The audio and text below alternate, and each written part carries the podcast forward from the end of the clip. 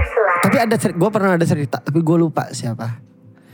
Intinya Oke kayak terus gue kan suka nyanyi gitu reguler kan. Ah. Tiba-tiba waktu naik panggung, aduh gue nggak mood nih, Hmm? gue nggak mood. Gak mood nih gue padahal udah harus naik panggung udah harus udah harus on stage. Dia siapa, Raisa? Kita udah siap, gue tuh udah mood banget nih kayak ayo gitaris siap, drummer siap, bassis siap, ready ya, oke siap siap siap siap. Tiba-tiba dia naik, aduh gue nggak mood nih, turun semua dong mood kita. Iya beneran kayak, aduh gue nggak mood. Lah kenapa? Gak tau gue nggak mood banget lah, males lah gue nyanyi. Hah? Hah? Hah? Hah? Gimana? anjir. Aduh, Serius. Nggak mood banget ya.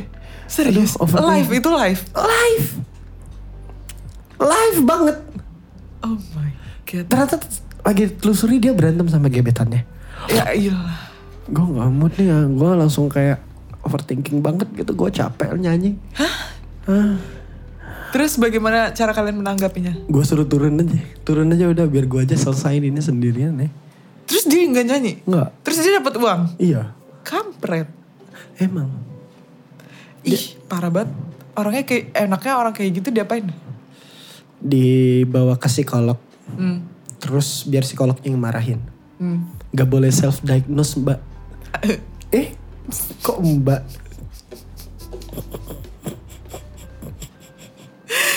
Ya, tuh dapat satu clue. Gak boleh self diagnose mbak. Mm-mm. Hmm. Jangan cuma karena tes tes di website langsung ngomong oh saya bipolar. Kadang-kadang gue bingung deh sama orang-orang kayak gitu. Iya. Kenapa sih menjadikan mental health adalah sebuah alasan? Iya.